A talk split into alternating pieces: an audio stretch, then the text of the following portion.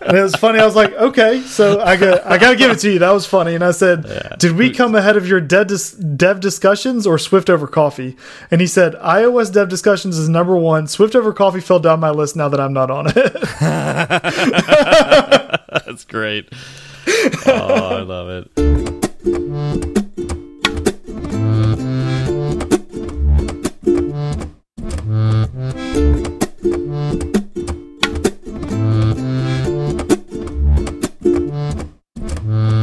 Hi, I'm Steve. And I'm Zach, and this is Fireside Swift. How's it going, Zach? It's going pretty well. Uh, how about you?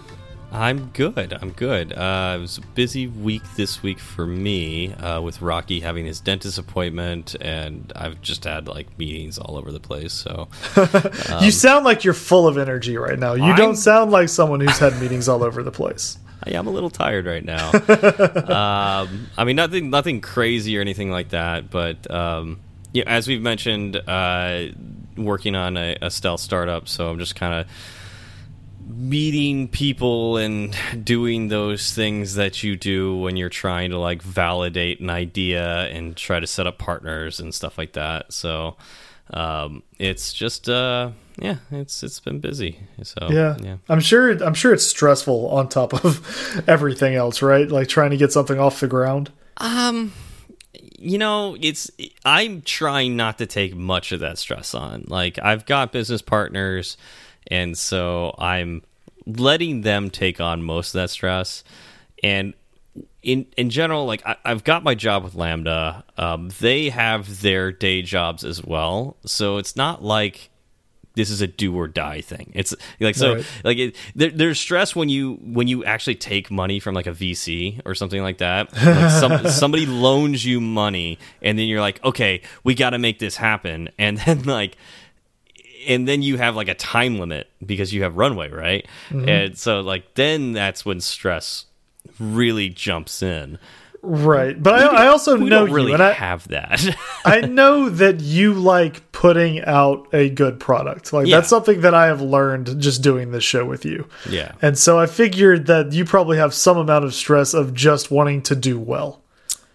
Yes, there's definitely that, and so every time like we have like a meeting there's like a level of stress where it's like am i prepared for this meeting and you know what are the things I need to do to be prepared. Uh, and on top of that, like I'm trying to build out the the the baseline products, and it's like there's a little bit of stress there in the sense like I want those to be good, and you know I want to do the things we need to do. Um, but one of the interesting things about this product is that it's it's contract based and so and it's not really consumer facing so mm -hmm. it's uh yeah so it's not like uh, there's no real impetus to get it completely done until we get a contract right so. the funny thing is though like you want to at least be somewhat started on it right because you don't yeah. know what the deadline for that that future contract could be that's true and that's where like the there, there's like a base level of stress. you're is. just you're just always at a 10% yeah. stress level. Yeah. Okay. So it's like I want to keep it as low as possible. Uh, and then once we get a contract and the, there is a due date for you know something, then okay, I can ramp up. I can ramp up my stress level. But until then, I'm I, am i am trying not to like worry myself too much. Um, but yeah, so, anyways, that's that's yeah, that's kind of where I'm at. How about yourself? Like, you know, I'm I'm good. Um, you know, work the work week was was pretty standard. It's been rainy and cold here in Austin all mm. week, so mm -hmm. um, stayed indoors a lot. It's it's it's kind of funny. Uh, looking ahead to next week, next Tuesday, I actually have a day that is full of meetings, mm, and this okay. is my my first day like that since starting with this company, my my current company that I started yeah, a year yeah. and a half ago. Yeah, yeah, yeah. But we um we have a couple of tech interviews from some outside people who were okay. who were trying to get hired, and uh, okay. one of the HR um, people reached out to me trying to set up one of the meetings and I was like, "Oh yeah, you know, anytime in the afternoon will work." Mm-hmm. And so she was like, "Okay, I got it all set up." And then I looked at my calendar and I was like, "Wait, no." I take it back. I, I take it back. Not not any time in the afternoon. I, I apparently only have this hour and a half window. Oh no. to get it done in. And so she she very graciously, you know, reached back out to the the potential candidate. He Yeah. was very sweet about it and we were able to rearrange things, but Okay.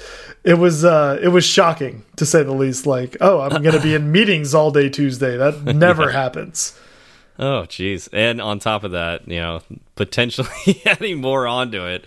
But Yes. yeah, you did get it moved though. So Yeah, no, Uh, we got it we got it moved. He was uh he was able to move it 30 minutes back into a different a different time slot. The the funny thing is because I work out of a co-working spot, um and I go into work on Tuesdays and Thursdays, whenever we have meetings, I have to book a, a meeting room okay. at the co-working work Be- working because space. you're, So there's no you're going to annoy everybody around you otherwise. Yeah, pretty much. Well, I mean, and also if you're doing a tech interview, like, you know, he's on speakerphone, you don't want Mm-hmm. him hearing other random people in the background. Sure, you want to be Um, professional about it. Yeah. Exactly. Uh, but for any other interview or any other meetings as well, you got to find yourself a, a, a meeting room. But I have to book all these through their app because we're not guaranteed a meeting room. So. Well, and- there and are when you say meeting sometimes. meeting room, uh, like in person meeting room, like Yes. in person meeting. Yeah, Uh, well, it's it's myself and my coworker Yeah. who do these tech interviews with Yeah. with all the Okay. potential candidates, and any other like, you know, we'll have meetings with people that are in the Houston office. but could couldn't you just get a call room, like both you and your coworker get a call room box and N- they don't have any at this co-working spot. Mm, okay, So you have you have three meeting rooms, yeah, and you just have to hope that no one else at the co-working space. Uh, you basically have to beat them there Yeah. in the app, right? Yeah. Like you just have to claim your ground first. Um, luckily, we haven't had any collisions yet, but I have Yeah. been there while you know someone went into a meeting room without actually booking one in the app, and then uh, they have to get kicked out in the middle of their meeting. oh jeez, yeah, yeah, it's nice and awkward. Yeah. it- that kind of reminds me a little bit like one of my meetings uh, this last week. Um, so we go we go to this office and there's like all these smaller meeting rooms. So we're just like figuring we're just gonna it's like two of us and like we're meeting two people there. And so we figure we're just gonna like go into one of these like side rooms, you know, nothing big. Um, but uh, I guess like all of them were booked or something like that, and so we ended up in this giant conference room. And we all sat on like one end of this giant like conference room table that could easily seat like 25 people. There's like four four of us. And it's just like this is so awkward. And like there's glass there's glass walls too. And so it's like people are looking in or like could look in. I don't know if they were really paying attention to us, but uh they could look in and see like we have this entire room to four people. It just makes you look really important. We were very well, we are. So Yeah. yeah. You just you, there needs to be enough room for you and all of your awesomeness. Yeah, my my big head. uh, but that's what that reminds me of is that you got to get this meeting room. What really all you need to do is just like take a call by yourself. It, you know, like yeah, Yeah, yeah. No, no, no. None of none. No call boxes that would actually work. Um, they have one. They have one that can fit one person uncomfortably Okay. for a small amount of time. The other one is an actual. It's a uh, it's a telephone booth from like the UK, like England. okay. you know, there's It's like- like a true yeah. call box. Yeah. Exactly, and there's no seat in it, and all you can do is you can just stand. Right? There's Yes, no yes. room There's for no, anything like, else. Not even a shelf for. Not even a shelf for your computer. Oh man. So not the best place to try to have any sort of meeting or interview. Sounds like they may need to update because I I don't know. I feel like a lot of people will want just a meeting room so they don't annoy the people around them when they take uh, like a Zoom call or something like that. Yeah, yeah, and that that happens quite often. So that's that's how my week went. Nice. All right, well. Wait, so that wait went or I thought that was. Well, going it was planning Tuesday. planning. Okay, like, your your week was- went by planning. Gotcha. yeah, and it's funny. So yeah, pretty much. That was yeah, pretty much. Okay, got it. Mm-hmm. Got- I wish I had more to add. I'm just no, a boring no, person. that's good. Uh, all right, so it's probably a good time to talk about our sponsor, Sentry. Uh, Sentry is an open source framework that you can add to your code base that will help you detect crashes and misbehaviors in your apps. Uh, these can be Android, iOS, or web apps, and Sentry is is really a leader in its field um, because sometimes you just need to ship it, right, Zach? Exactly. Like, you know, you, you have no idea. You could have a contract that all of a sudden pops up and um, you have to ship your, your stealth app very quickly. Uh, that doesn't lead to good code usually. Um, a lot of the times when you're rushing to get something out, you just need something out. You want something in the end user's hands. Sometimes that means that that app is going to be faulty or misbehave. And when an app misbehaves in a crashing manner, you end up with poor reviews on the App Store, and that that doesn't make you look good. It doesn't make you feel good. I don't know about you, Steve, but I've been in situations where um, we've had an app crash a bunch, and all of a sudden it's just like this waterfall of one star reviews, and. Mm -hmm. It, it hurts. Like you don't want to go to work in the morning because you know you're just going to be faced with more of it. And the way you can shorten that time is by getting a crash reporter like Sentry that will allow you to hear about these crashes before you start seeing them on the App Store.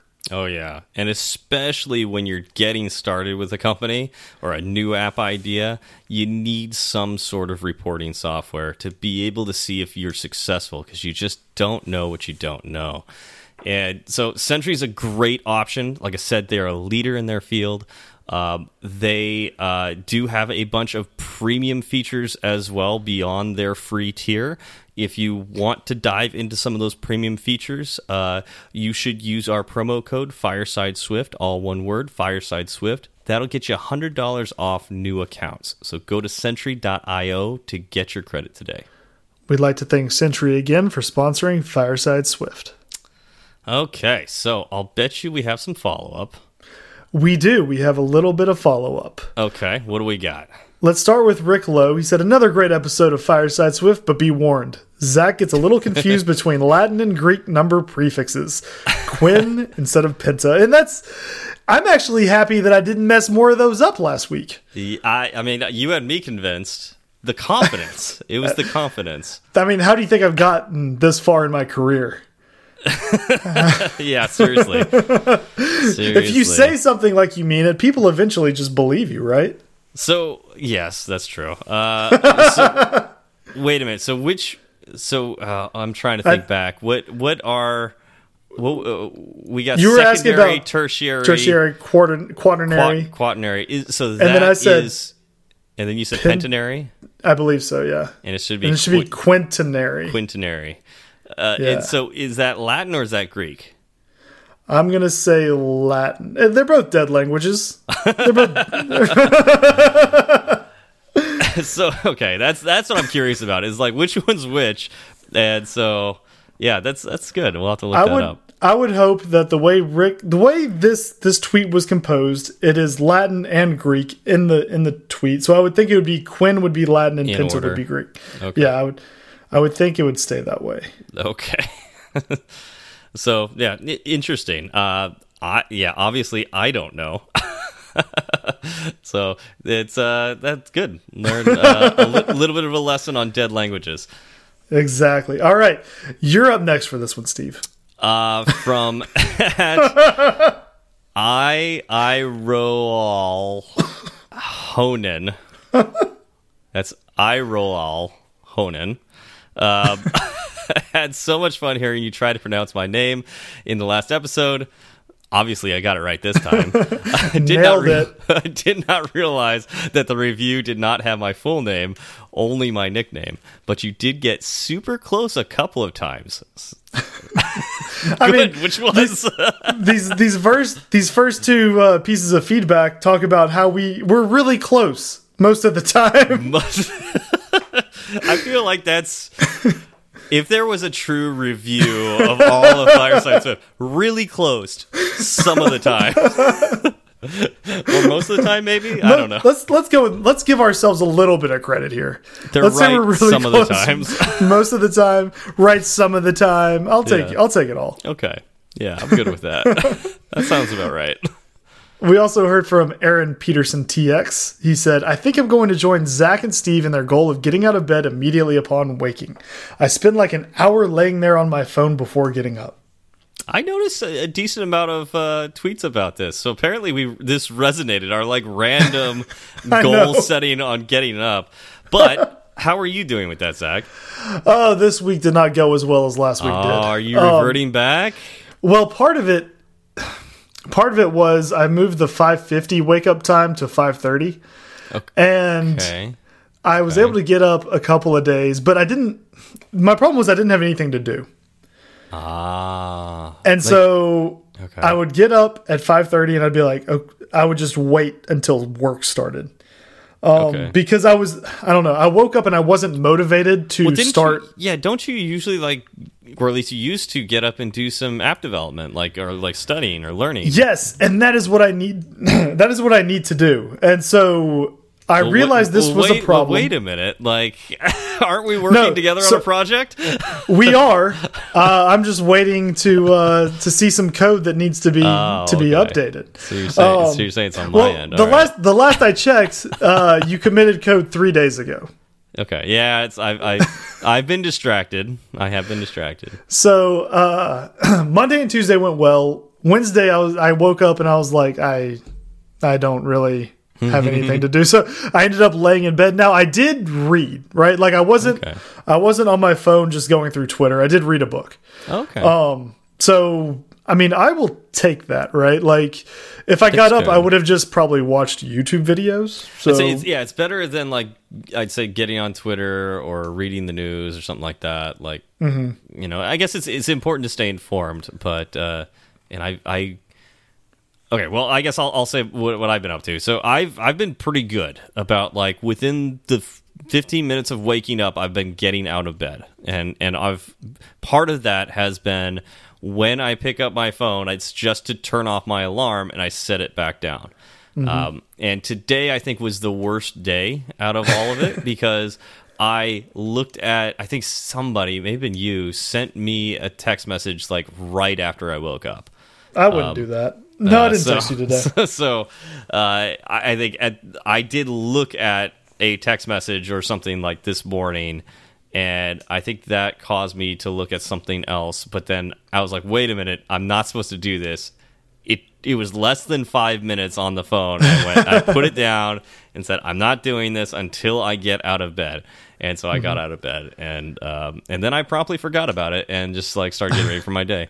Um, now, has it has it helped you be more productive in your day? Yes. Uh, well, I don't. Hmm, I would say yes because now it's a little bit more predictable when I actually get out of bed, and I'm getting out of bed earlier and doing things that I would normally have spent. It would normally would have taken an hour before I would have gotten to that thing. It's like I mm -hmm. get to it much faster.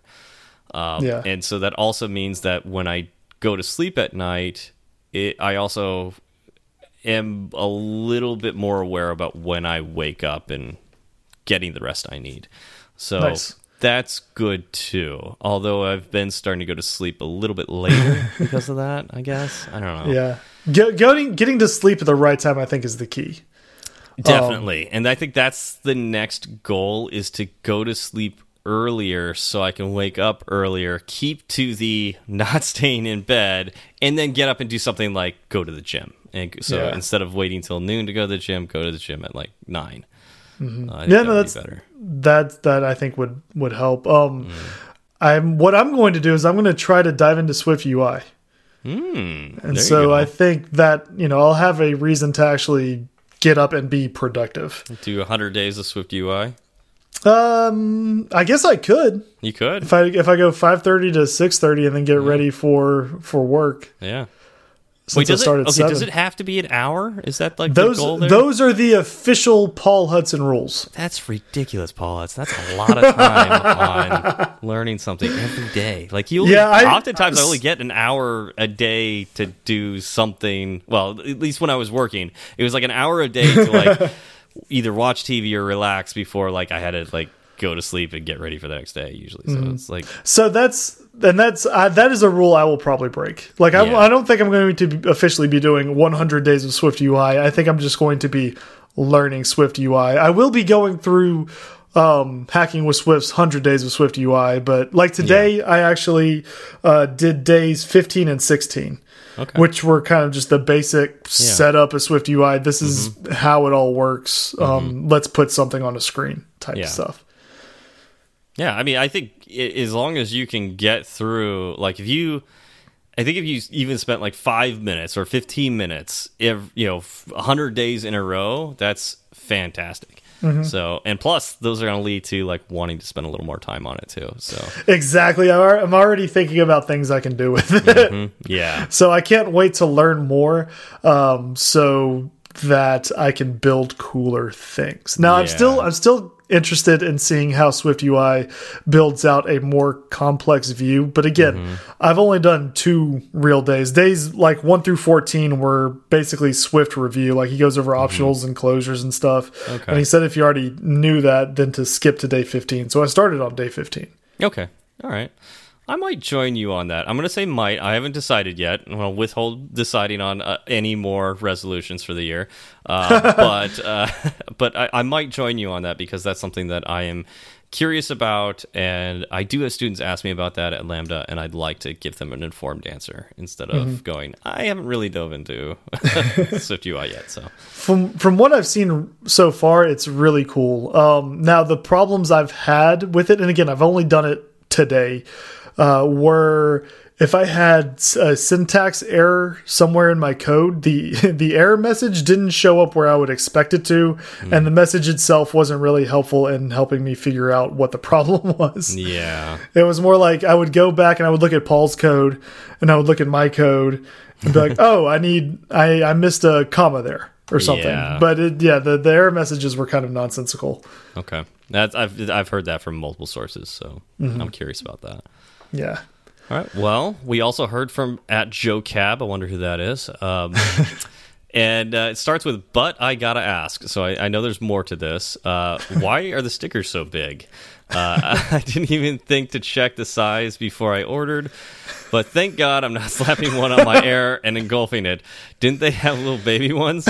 Um, did th did this include a picture? Because I I need to see this. Uh, Yeah, he did. They're as big as his, um, his keyboard. Essentially, he has one of those. Oh wow, I didn't. Yeah. Okay, so that's so, so uh, maybe that that explains a few things to me. Um, The yeah, they weren't. They're not supposed to be that big. yeah. I, I got on the store and looked at this because uh, I wanted to see how big they were, and and yeah, the the diameter was larger than I was expecting. But I I don't know if there's a way we can. I think the So max with- size with is where it's at right now. With Teespring, there is no way to adjust this the size Okay. when you put a sticker. So that's so that's number one. Number one is I'm surprised they're that big because, but then again, I wasn't able to choose a size. It's not like Sticker Mule where they have like a bunch of different options.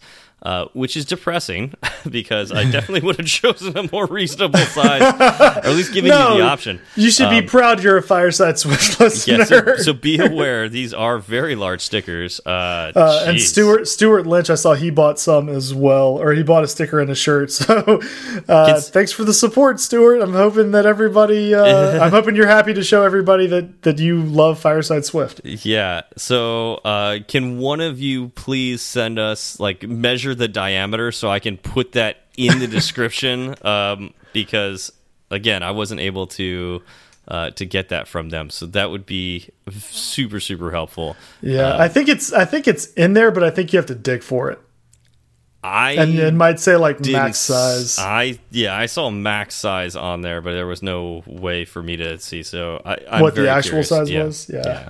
I'm very curious because that looks much just- larger than I was expecting. I just assumed they were max size after hearing this feedback. Yeah, so yeah, it's interesting. Well, again, there was only one size, which is that size apparently. so, I mean, they look awesome. Those look really, really cool. Uh, but yeah, I, I would have a hard time finding a place to put that on my laptop too. yeah, so, awesome. Um, Yeah. So Zach. So Steve. So you owe me some uh some uh something. I owe, I owe you, You, some you owe something. me something. Yeah. Can you be a little more particular? Uh, you owe me software. Like uh, you you you said you were going to program some stuff for me, and uh, you didn't. At least not yet. So you owe it to Technically. I don't. I don't think that's true. I think uh, I think it's time to uh, send in the debt collectors and uh, break your kneecaps. That's aggressive. What what say you?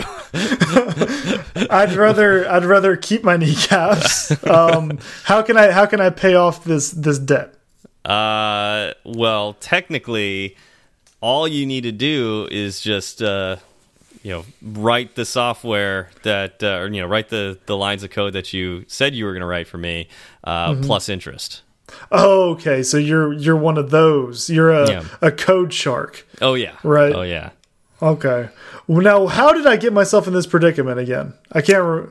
How did I end up owing you code? Well, you see, a long time ago, when we first started working together, uh, you wrote some code to me, you know, for me, and then you said that.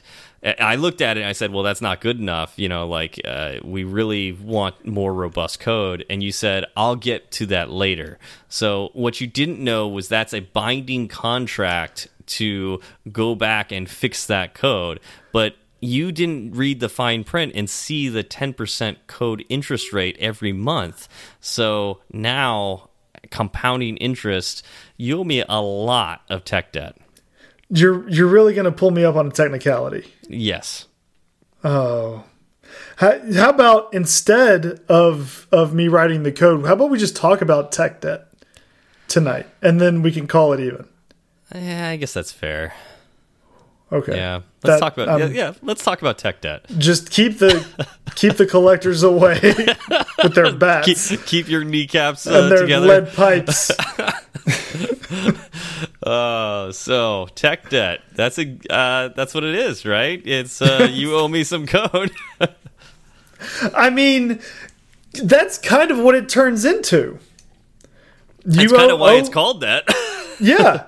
You owe some code. You owe you owe the the software you've written in the past a little bit of attention. Yeah, you usually owe it to yourself and not to somebody else. Uh, but if it's for a company, in some ways you owe it to them. Uh, but it's only as long as they're paying you, right?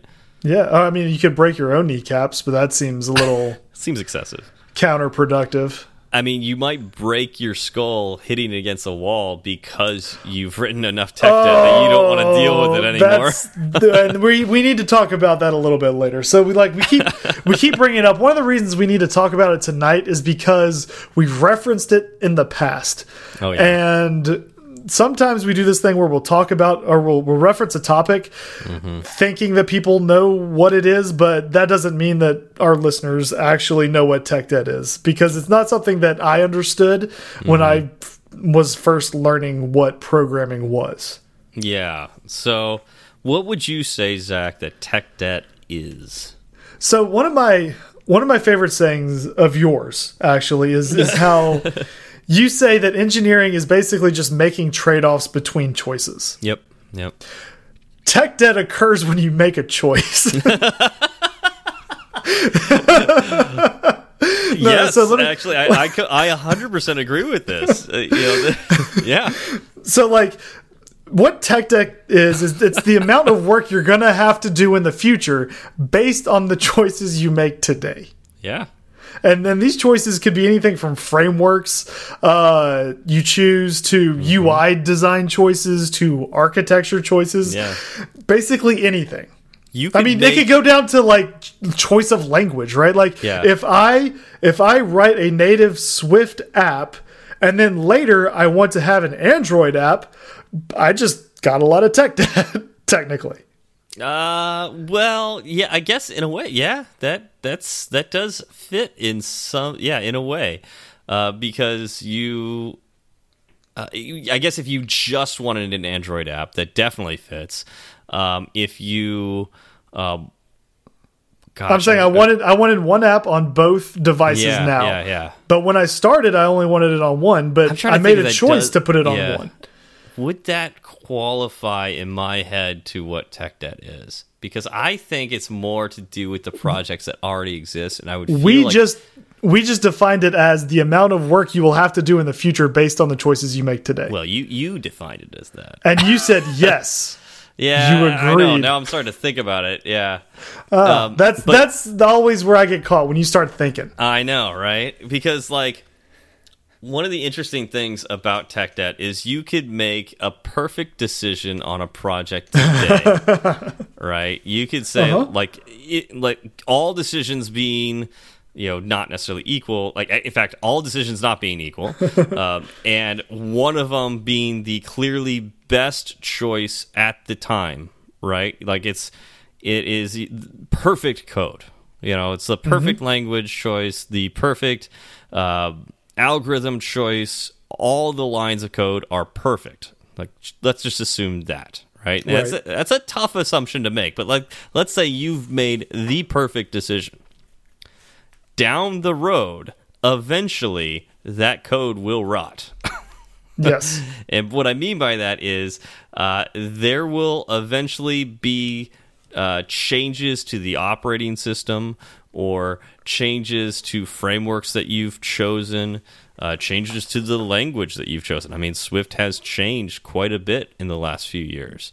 Um, and uh, so it's like you may have made the perfect decision and it may last for quite a while. I mean, let's say you ch you've did all the calculations, you figured out Objective C is right, or I'm going to write it in C even, you know, Yeah. and and attach it to my my app somehow. Uh, and it may last for 20 years, but eventually, eventually something's going to change and now you've got to make now you have to do work to make sure either your old code continues to work or the old feature continues to work. you know, like you have to change or or even to add a new feature, right? That's that's also tech Right. debt in the sense that like let's say we made this decision to uh and it's the perfect decision. We wrote it in C. Great. Eventually you get to be so busy that you can't f add this new feature, so we hire a new engineer to do it. And it's like they want, yeah, we want them to go in to your code and add this new feature, but they don't know C Yeah. that that's tech debt right there. It's like they can't do it. They don't Right. know. They don't know how to. Uh, and so, even though it was the quote unquote perfect decision at the time, it's not the perfect decision in the future, and it's always the case. There Right. will always be code rot. And I mean, and then that's you're talking about in the perfect scenario, right? Mm-hmm. Like earlier we talked about during our Sentry read that sometimes you just have to ship your product. Yep. Yep. so and think about how much tech debt you accumulate when you just need to get something out the door. Oh yeah. And so like that's almost always the case, right? Like you have deadlines, you have managers writing you on getting a feature out.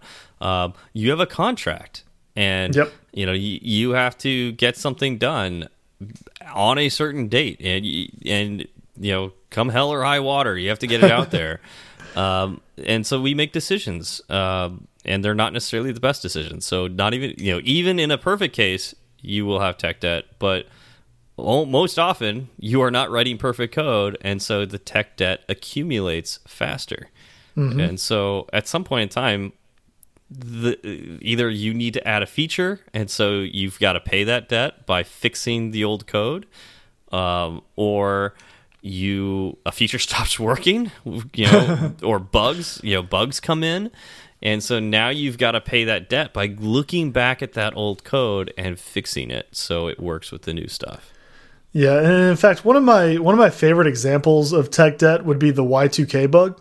Hmm. Right? Like there wasn't Yeah. enough precision in the dates to to Yeah. accurately describe the year 2000. yeah and we'll, we'll, we'll take care of that when we get closer to 2000 Right? Yeah, I mean if Yeah. you're programming it in 1980 and you're you know Yeah. 60 years old you're like oh that, this works this is fine because Yeah. i'm not going to be around i'm not going to be doing this hopefully in, in the Yeah. year 2000 And you it's might not my problem Yeah, in fact, a lot of a lot of tech debt, yeah, you you don't cause, but the engineer before you caused, you Yes. got to pay that. Yeah, exactly Yeah. um so yeah the, i think the y2k is maybe one of the more famous examples of tech debt yep, uh, that i could think of um and it's one of the ones that kind of took the world by storm everybody was freaking out about it and it was just a massive case of tech debt yeah. No, it's true, absolutely. Now, I want to come back to your Android example because I'm still not sure I would consider that to be tech debt. It's almost Okay. lack lack of tech debt um, because you you've chosen not to write an Android app. Um, I don't know. I, again, I don't think I would consider that to be tech debt because you don't have an Android app to begin with, and so So you're saying something you need to to have a pre-existing code base. I think Okay, that's fair. I mean, I, I was think- just kind of throwing it out there. Uh, yeah, and I, I, that's I think it's an interesting choice for an example because it, it fits within your definition. The tech debt refers to the amount of work you will have to do in the future basis, based on your choices you make today. Uh, well, you made the choice of just writing an iOS app, and now we need an Android app. But that's almost like saying like you made the choices to write features, but not this one feature. Right. And so I would say that's not tech debt that you didn't write that one feature. You just haven't written that one feature. If Right. But Yeah. now, now, earlier, your example had you writing a feature in C that you didn't have time to get around to finishing. uh, or I guess I guess I, I could see where this would fit as well by we want to add a new feature, but and that feature is an Android app. it's well it's prevented because of the choices that we made with our current tech stack and so yeah you could almost I, I I think you could shoehorn it in by by saying like we chose not to go with react native and so therefore we have to pay the tech debt of learning android development yes. um, and of course there's also you know we chose to go with react native and so we have the tech debt of learning how to write android and ios apps. Um, or uh, there's some mysterious bug that uh, you know is part of that and so you know we have to figure that out. And of course that's the same way with native as well. Um, not saying that one is necessarily better than the other but um, yeah it's it could it does affect tech debt you know who who you have as engineers but it is it is kind of a gray li- like a gray line there and it's like I, yeah i almost want to say like if you have not built a feature yet then i don't know if i would call it tech debt because you haven't started it yet I think that's I think that's fair. yeah Um, I can definitely see where you're coming from. I, I don't honestly think I would consider it te tech debt either. yeah and yet you used it as an example Well, because it kind of came in again. I, I read the definition I wrote, and then that's what I thought of, and I was like, "Does this fit? Let's talk about it." no it, it, that was an interesting choice yeah Yeah, Um, I, I don't know. I, I, I, I think I would say, you know, just based on, uh, you know, I, I want to say, um, oh, what's the the word I'm looking for? Common knowledge. No, that's not right. Um, what am I thinking of, Zach? uh, domain knowledge. I don't know. Okay. Yeah. All you said was common knowledge. No, no, I'm just thinking like whatever. I I I can't think of the, the term Common right sense. now. Common sense. That's the word I'm looking. Not common knowledge. Common sense. and then I wanted to say that common sense isn't so common. Just like thinking of the phrase common sense. but uh, yeah, so like the common sense thinking of you know this this definition makes me think that uh, writing an entire app is not the fact that you haven't done that is not tech debt. To me, tech debt is the fact that we wrote something and now it makes it harder to do something else, whether that's continue operating or uh, adding a new feature. So it just adds more engineering work on top of it later down the road. Okay. So I, I would say like since you haven't written the Android app, it doesn't add more work to writing an Android app. It's going to up always until right because Yeah. there's there's nothing that can break in a non-existent app. Essentially, Yes. like you can't Yeah. have code rot Yeah. if the code doesn't exist. yeah. And so, it's not it's not tech debt if later on down the line your manager says, "Oh, we also want an. Android app." But you know, there's some interesting thoughts on tech debt. Like if we choose to have a REST API, right, just a pure mm-hmm. REST API, um, and then we start to want to have features that uh, use socket connections, and we want to have like instant, you know, feedback from from our um, from our server in, in in close to real time as possible, and be able to go back and forth uh, very quickly. Uh, we could kind of say that our API is tech debt. Uh, maybe not because we haven't written the functionality of uh, of socket connections, but we also have a lot of infrastructure and domain knowledge around writing a REST API and none around making a socket API, so or socket server. Um, so y you could make that argument to a degree. Um, maybe the decisions that uh, you've made there, but also you could argue that that's not tech debt because you haven't started writing the the socket uh, feature yet at all, and, it, and it's technically not related. Right. So there's kind of a gray area, and Yeah. it, it depends upon like beauty is in the eye of the beholder. Totally. tech tech debt is in the eye of the developer. yeah, but I mean, I mean, the reality here is that as you program, this is something that you will incur. There's nothing you can do about it except reduce it. Um, and then the question is how much, you know, how to reduce it and how much can you reduce it. So, right. uh, what are can you think of any uh, tactics or strategies to uh, avoid as much tech debt as possible, Zach? Um, avoiding tech debt. I mean, you could try to write your code as cleanly as possible, right? Don't have spaghetti code because that that that's pretty much like automatic tech debt. Yeah, That's that is you you accumulate it as you write it. I mean, that- right. and then you don't want to go back and have to undo all of it, right? Like you're going to accumulate some amount of of tech debt no matter what you do, but you can also uh, minimize the uh, the amount you'll have to fix in the future. And I think having a well architected, well laid out um, piece of software will will minimize the amount of tech debt you have to take care of in the future. It will also make dealing with the tech debt uh, simpler. Sure. And this is something that you'll get better at over time because unfortunately that, that bit of advice sort of feels to me like we're saying just be a better developer. And it's like that sucks. Like Yeah. yeah, it's like of course that would be better, right? Like if I knew more architectures and and knew like how to avoid spaghetti code when I'm first starting, then that's better. But uh, you know, that's well, do you think? that can be tough. Do you think? Do you think tech debt is part of the learning process? Right, like yeah, absolutely. it's it's almost like a shot collar. It's a it's a developer shot collar, right? Yeah. You you have a bug, then you go to fix it, and you look at all the code you wrote, and you look at all the work you have to do to to get your app functioning again, and you think, man, I never want to do that again.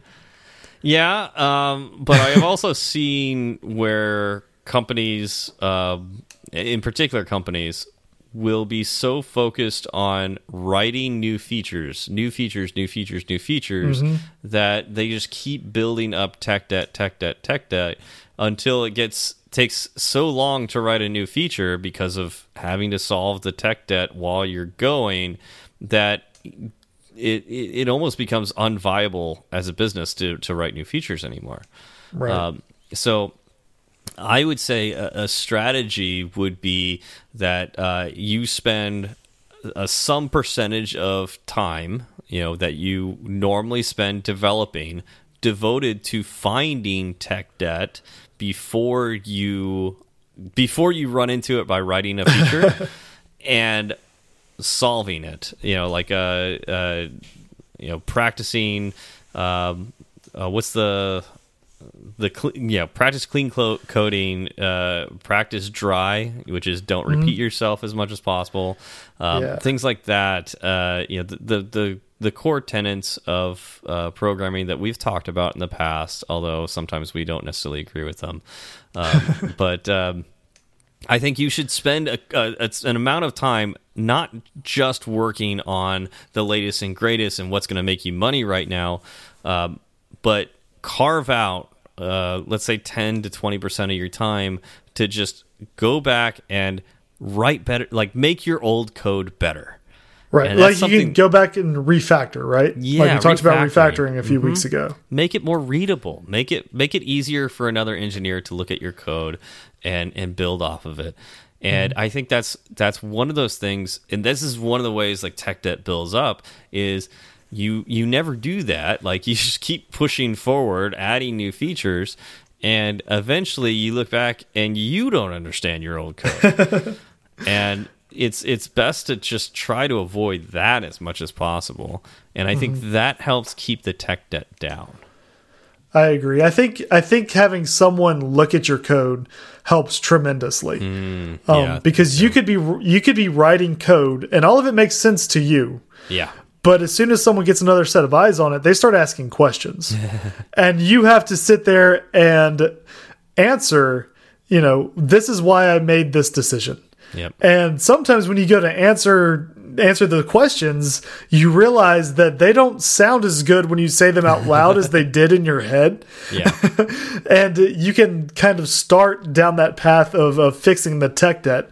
Um, because I know when you're working on something solo, it can be really hard to uh, visualize it from another point of view, right? Totally you you have everything mapped out you know how it's going to be built you know what your features are going to be mm -hmm. and then you just go off and you build it yep and doing it in a vacuum is is nice on one level because you are in control you get to make all the decisions. Yep. but sometimes making those decisions is, eh, without any kind of oversight can be a problem in the future. Totally. Yeah. And so yeah it, plus it, it goes to like you don't know everything. And maybe like you know we always talked about or we we've been talking about how engineering is a trade-off. And you may not understand the trade off that you're making. Like you're mm -hmm. always making a trade off, but you may not understand how much of a trade off that you're making in one particular decision. But having another set of eyes, it's very possible for that other engineer or multiple engineers to have a little more insight, a little more experience with that, to know that that's a bigger trade off than you were expecting. And in reality, if we do just a little bit more work now, we can save ourselves a whole bunch of headache later. so, I, honestly, I think that's probably the best advice that we can give anybody um, is that if you are writing code, have somebody look at your code before you make it, you know, add it to your production code mm -hmm. base. Yeah. Yeah. So like PRs. I, and that's why that's why PRs exist, right? And yeah. I'd also like to add that the person looking at your code doesn't necessarily need to be like a senior developer. Totally. Um, so don't don't think that you can only have someone look at your code if they have more experience than you do, um, because in a lot of cases, more junior developers will have more questions. Yep. Then they'll want to know why you you built out a feature the way you did or why you selected the architecture totally. you did. And they may not point out like oh you know you could probably use a delegate pattern here but you, as you explain why you made the decisions again you can realize it, it may be better for me to use a delegate pattern here. Yeah.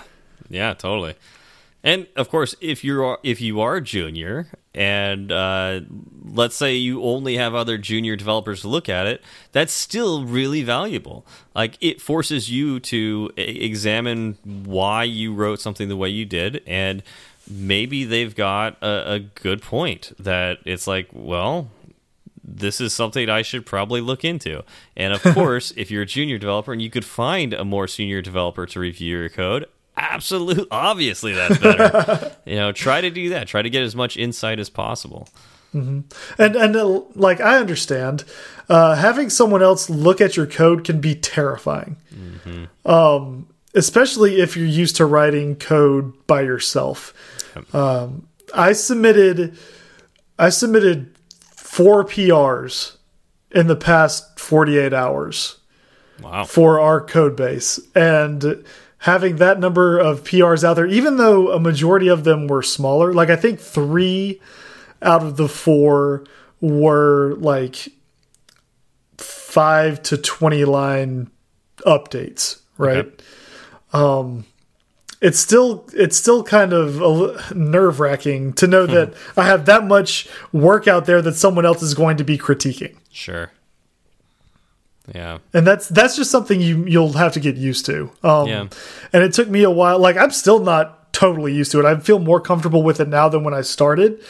But um, getting used to that, I think, is a big like soft skill you can have as a developer. Absolutely. Yeah. Um, learning how to take advice is, yeah. Well, and, and giving advice too, for sure. Like, there's right ways and wrong ways to do it. Um, and, and this really isn't the discussion for that. Um, but um, yeah, being able to review code properly and courteously and generously, um, uh, but also accurately, is uh, very, very important and uh, difficult to do. And honestly, I don't know if I do a great job with that. Um, so, yeah, Yeah, I mean that's something that that I work on all the time. Yeah, that's great. Yeah, and and it will help with tech debt. Uh, either by helping you grow as a developer faster, so you add less tech debt to your future code, um, or by realizing uh, things that you've done recently that are in this PR that are going to cause problems in the near or long term future, and you could solve it by a smaller trade off. Yep, I agree. Yeah. So what are what are some important things to remember when dealing with tech debt? Well, I mean, I think uh, the first thing is the what we mentioned earlier. Tech debt happens to everyone. Like, there's nobody who writes code that doesn't get tech debt. uh, even and we use the example. If you, even if you wrote the perfect code, it will eventually not work. Mm-hmm. Um, so uh, So I have a, I have a question, and this kind of mm-hmm. goes back to our definition earlier. Like this is going to be mm-hmm. something that kind of keeps evolving in my mind. sure. Um, Apple decides to introduce yet another screen size, yeah. But this time it's a triangle, so none of your views work. is that Yeah. considered tech debt? Uh, that I think that would make all of your current uh, um, code tech debt in a way. Yeah, Okay. especially if you are looking at it as everything's rectangular. Yeah, Okay. See, that's I was I was curious about that because that's not something that you really ha like. Again, you don't have any control over that, right? yeah. You don't have control. And so, anytime anytime Apple introduces a another phone screen size, you, that could be introducing tech debt into your code base. well, I think about like how you were writing a custom dark mode, and then Apple released dark mode, and it's like, well, crap. Crap. We already started doing this, and so now we now you've got this really complex code base for how you're doing dark mode mm-hmm. because you wrote this code. And sure yours has a little bit more functionality than standard dark mode but i i i you had you added a lot more code and a lot Yeah, more complexity to your app And as we wrote that code, we were adding tech debt that we knew about because once we drop support for iOS 12, we're going to go in and rip it all out. yeah So like, that is work we will have to do in the literally future. deferring that work you are literally looking at it and going we know that we're going to take this code out Like as we yeah, as you are typing, Yep. you're like, Yep. I'm I am writing something I will rip up later. well think about and think about like all that code is like the code that you're you're writing where it's it's only for a particular older version of the operating system Uh, like anytime you write the at available, right? You know, like yes, yes, that, that little annotation, you're actively writing tech debt into your code base. Mm -hmm. um, so, anyways, uh, tech debt can happen to anyone, even if you write perfect code. Yep. Um, something that I think is worth remembering is that you're going to end up working on fixing someone else's tech debt. Yeah. And it can be extremely frustrating when you're when you're in the scenario. Yeah. Um try not to get too pissed off about it. It's really easy to get angry. Um, yeah. Now, some of the most humbling times I've had are when I'm working on fixing a bug and I'm like, why did they write it this way? I don't understand. This makes no sense. There are so many better ways to do this. And I'll go and I'll look at the authors and it'll be my name. Yeah. On that line of code, yep. and I'm like, yep. oh, oh, I'm the idiot. I got you. Perfect. Yeah, and I think perspective matters here. It's like it may have been the right decision at the time. Mm -hmm. You know, you don't know. You really don't know. I mean, maybe you do know, and you could look at it and get ticked off because you didn't. They didn't follow your advice at the time, or something like that. and so, like, I could see that as making you angry. But, but you know, like you there's reasons. I'm sure everybody has their reasons. Everybody's a good guy in their own head and has done the right thing, you know, at the right, eh, you know, has always done the right thing at that point in time. Um, right. So, uh, yeah, try not to get too angry about it. Uh, and you know, this is job security. it's true. It's, it's, true. Terrible to say that, but yeah. like in a lot of ways, like you know, even it, like you will you will always be writing more code, mm -hmm. fixing yep. old code. You're like, oh, I'm just, I'm getting paid. I'm getting paid more later, is what it means. Yeah, yeah. I'm so getting another paycheck don't eventually. actively write tech debt so you get paid later. Please don't do that. Write quality code because it's going to be but tech debt. Anyways. Exactly. The quality code is tech debt as yeah. well. Yeah, um, but the the less the, the the less tech debt you write, the more you get to write cool features, which are more fun. Yeah, which eventually get turned into tech debt. Yes, but the less tech debt you write, the more opportunities you get to write fun stuff. Right. I mean, in the end, what you want is a very stable code base. Mm -hmm. And now, a very stable code base doesn't mean it has no tech debt. It just means that addressing the tech debt isn't a massive headache. Yeah. Absolutely. Absolutely. All right. Well, I think we're probably out of time talking about this. Uh, is there anything else in particular you want to add, Zach? Uh, no, okay. no, I'm good. I'm good with tech debt. Okay, I think I'm out of things to talk about here too. I mean, I'm sure mm -hmm. we mm-hmm. could talk more, but let's let's let's avoid that. um, cool. Uh, I don't think we had any shout outs this week. Um, any uh, other things we need to talk about? Uh, any announcements we need to make?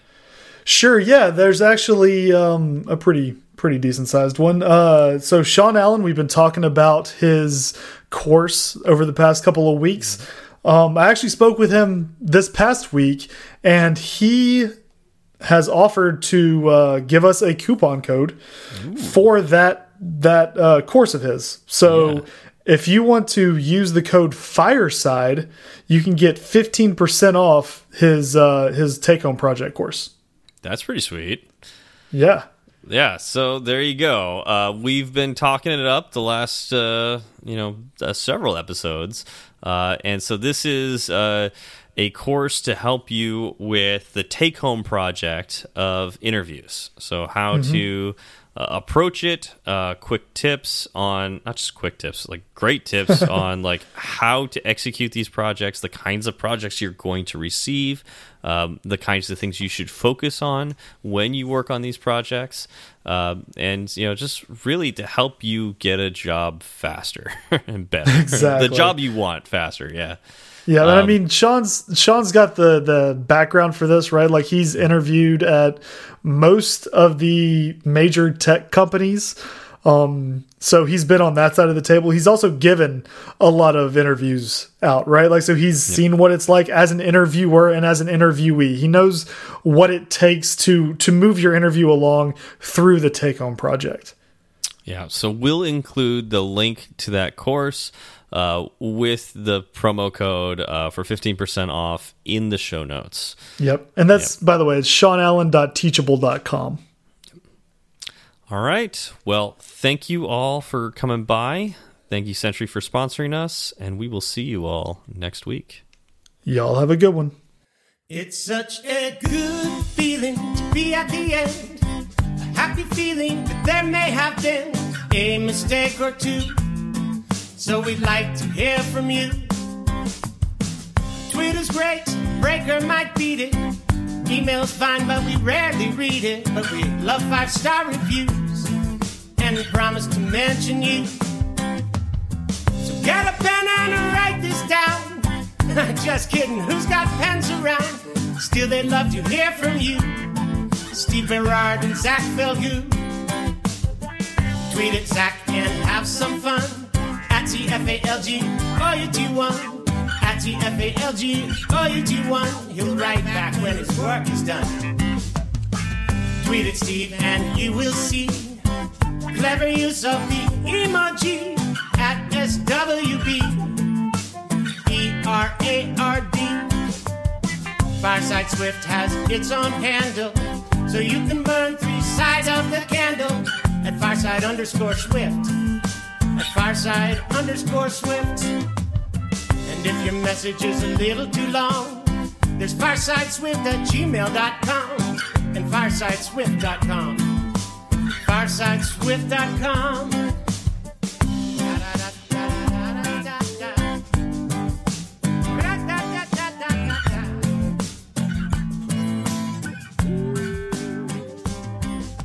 talk about the great and muddy Cthulhu.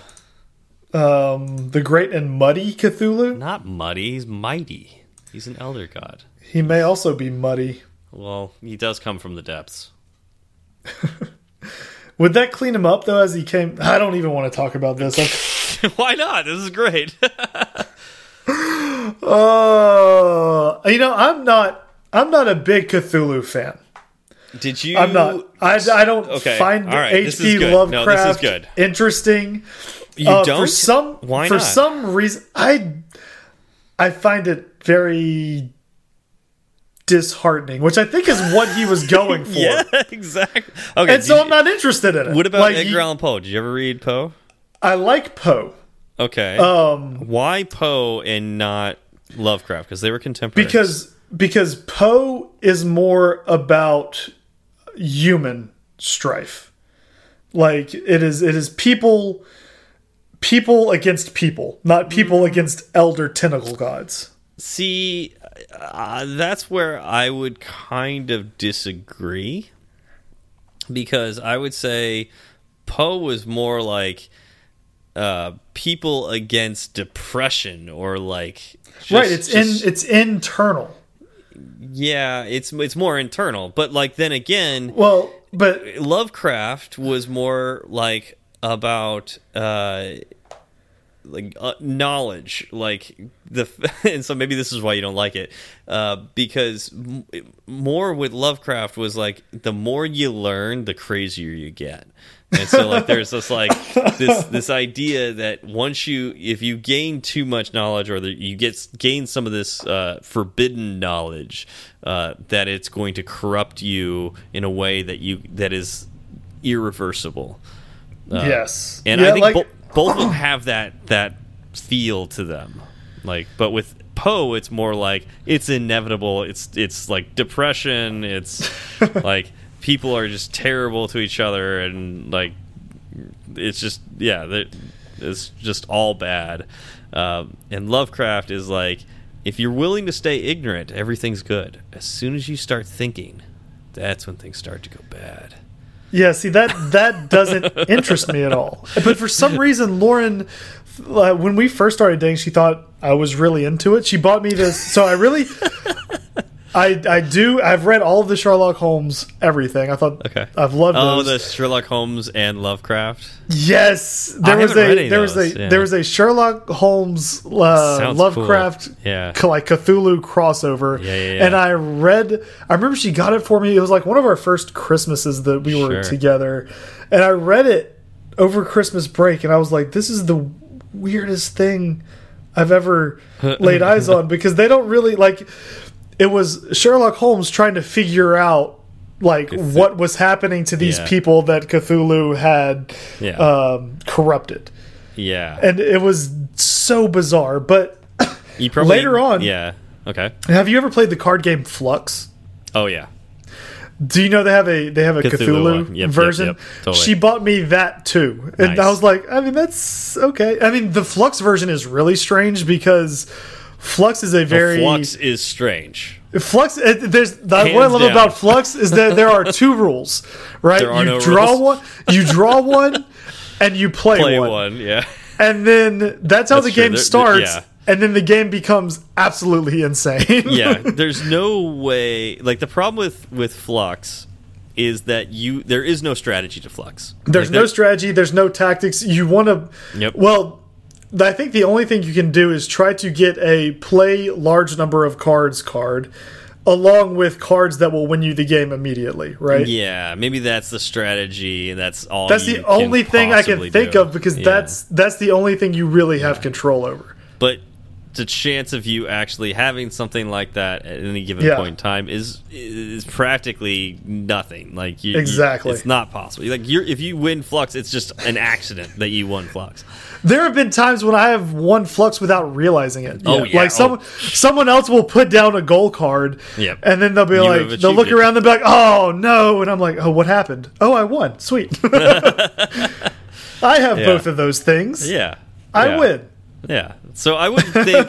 so I I've actually like I I have played Fluxx. I have enjoyed Fluxx. Um, it is not a game I own because it's too random for me. Uh, But but I've. Had a good it. time playing it. I've had a good time playing it. Uh, but I think it's it's a fun, usually quick game. Now that I do have a funny story. Like when when my wife was in labor with Emma, Mm-hmm. we, we you know we went to the hospital. We brought Fluxx to kind of pass time. Mm-hmm. yeah. And so we started the game and we were playing, and the contractions got worse and worse the more we played. Uh-huh. And I was like, Fluxx we can just causing me to go into labor. we can just stop playing right now. Like we can we don't need to play well because she was induced, right? So like it takes a while for all this yeah. stuff to happen. yeah. And she was like, "No, we have to finish." And I was like, "What?" like she was dead set. She was like, "Just win the game so we don't have to play anymore." And I was like, "We can." There's no one saying we need to finish right now. And she was like, "You win, you win." so that was that's our fluxx story. We played it right before uh, right before Emma was born, That's awesome. and That's she really wouldn't she wouldn't let us just stop playing. We had That's- someone had to win, and she wanted it to be me because she couldn't concentrate anymore because she was So did you win or did you I win? did. Or, okay. I did. I Nice. actually won. Um, yeah. Because at that point it was just like put everything. I want. I was like, you win. And she goes, no, you. I just because she was just like throwing cards down. Yeah, yeah. Like she wasn't even really paying attention Yeah, anymore. yeah. It's like, well, we don't. that's we don't have to play this, right? You know that. That's yeah. funny. So, anyways, we I have the Cthulhu version of Fluxx, and that is bizarre. Oh, it's got to be. Yeah. Yeah. Uh, you ever played Munch or not? Yeah, Munchkins. Munchkins. I played. I played Munchkin once. Yeah. I and and I o- I didn't have I never had a group for it. It was me Okay. and my brother-in-law, and that's not Yeah. a good two-player game. actually I found it better as a two-player game than a group game. Really? Uh, See, I, and again, I didn't like it so much that I played it once and never played it again. Yeah, there's there's too much going on for a group game. I think. Um, yeah, although it's meant to be played as a group game, uh, Mm-hmm. but it's. I, I when I first played it, I was very much into Magic the Gathering, and so Munchkin was like a very anti Magic the Gathering kind of game. yes, it is. and so I got a kick out of it and just just really loved it. Mm-hmm. But then later, when I like actually played good games, you know, I'll, I'll let that sit for a while. That's Um, yes. remember we were talking about Magic the Gathering not too long ago. Go, Um, yes, proceed. um, so uh, I, I we we played Munchkins again, and I realized how not that good of a game it is because there's there's so much going on, and the rules actually say like if you can get away with cheating, you can cheat, and like, Yeah. that's terrible uh, Yeah. because it just leads to really like frustration where everybody's like watching their cards because as soon as somebody needs to go use the restroom or something like that, like people are like stealing their entire hand. Um, yeah.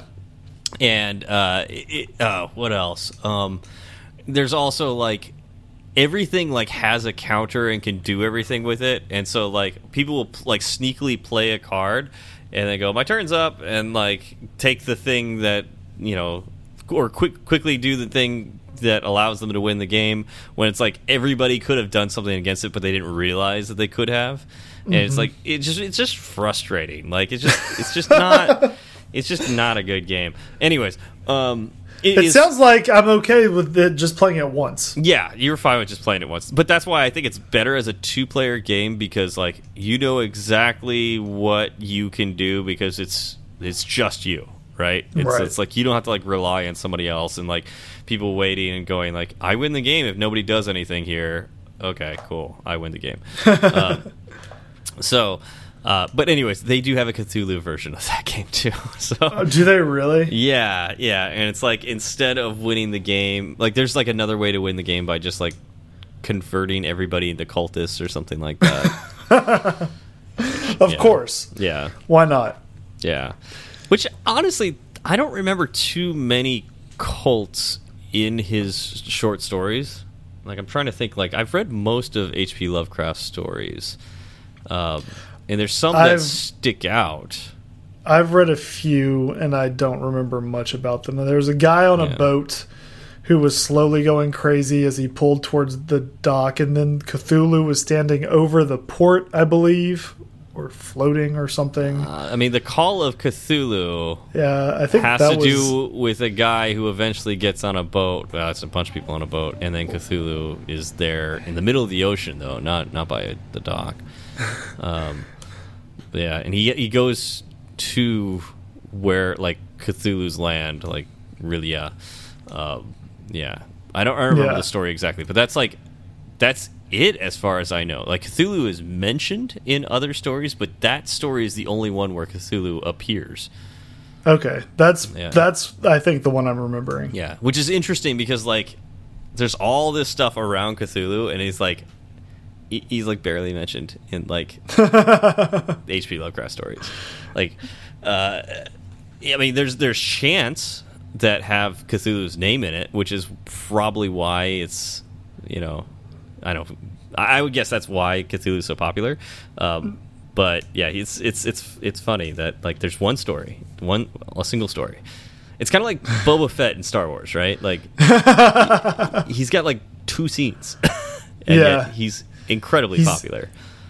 Extremely popular. Well, Yeah. I think there's like this the air of mystery around him, right? Yep. Like you never see his face. Mm-hmm. Doesn't don't- talk much. Don't know his like, story. Don't and know. yet- Yeah. Where did he come from? What's he Yeah. doing? Yeah. Yeah, and he's and yet he's the one that uh, you know, or one of the the few that Darth Vader trusts to to talk to and and try to go catch Han Solo. He is the one who outsmarts Han Solo, Mm-hmm. and uh, but you know, he, he- there's there's a mystery around him. Like, who is this guy?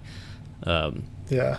Yeah, have you you haven't you still haven't watched The Mandalorian yet, have you? no, I haven't. Oh, it's I don't. so I don't have. Disney Plus. Yeah, I'd like to. It is so good. I oh yeah. You need to you need to get it for um, The Mandalorian and the Imagineering story. Okay. Okay. There's Those are also those are two things you will enjoy. There's also that new show um, by the the guys who write, or yeah, they're still doing it. Always Sunny in Philadelphia. Um, I'm trying to think of the name of the show. It's a it's about a game a game development company. That's Yeah. on Apple Plus, right? Oh That's, shoot, that's um, on Apple Plus, not Mythic Disney Plus. Quest, right? Mythic Quest. Okay. Oh, Yeah. I thought I could get all those in one. You're right. That's not on Disney Plus. That's on Apple Plus. I might I might get the Apple Plus uh, free week or whatever, and Yeah. just to watch that because that's Just the only thing that. that. really looks interesting to me. And I think it's I think it's something that could either be really good or just absolutely terrible. It looks, yeah, it looks really good though. It I- does. It does look really good. Like that's wrong, why That's Man, why I I'm really interested in it. Yeah, because I think it, it may actually be decent. Yeah. But you just never know, right? Like you get 30 seconds of a of a movie. Yep. What are you going to pull out of that? Right. Yeah. Yeah. Who knows? Yeah. So darn, I, I didn't think about that. Uh, but yeah, I don't have Disney Plus. I don't have Apple Plus, and which is interesting because it's like I this is like the first year I didn't buy the hardware, and the hardware could have got me. That. so, anyways. Yeah. Yeah, but uh, maybe that's why Cthulhu is great, is because he's the Boba Fett of the H.P. Lovecraft world. Don't even. Yeah, Don't even. he is. He's not even that interesting. He's the Boba Fett. That's why. No. You don't. I you- disagree. You, you just don't know anything about him. He, he just stands there looking cool. He's got like one scene. You're going to need to define cool in the context of what an elder god looking cool is. I mean, I've got two Cthulhu's just sitting here on my desk. They're pretty cool looking. Is that why you're so insane? One, yes, one, of them's Lego. Because you have you have two of them. I have a Lego Cthulhu. I'll need to remember that. I could send you the uh, Fluxx Cthulhu There you go. game. Oh, I, I'm a big fan of H.P. Lovecraft's stories, not of him himself, because he's problematic. Uh, I don't. Again, I don't know anything about him because I wasn't even interested in his stories. Yeah. yeah. Ding. That's for that's for Mr. Mc- McSwiftface.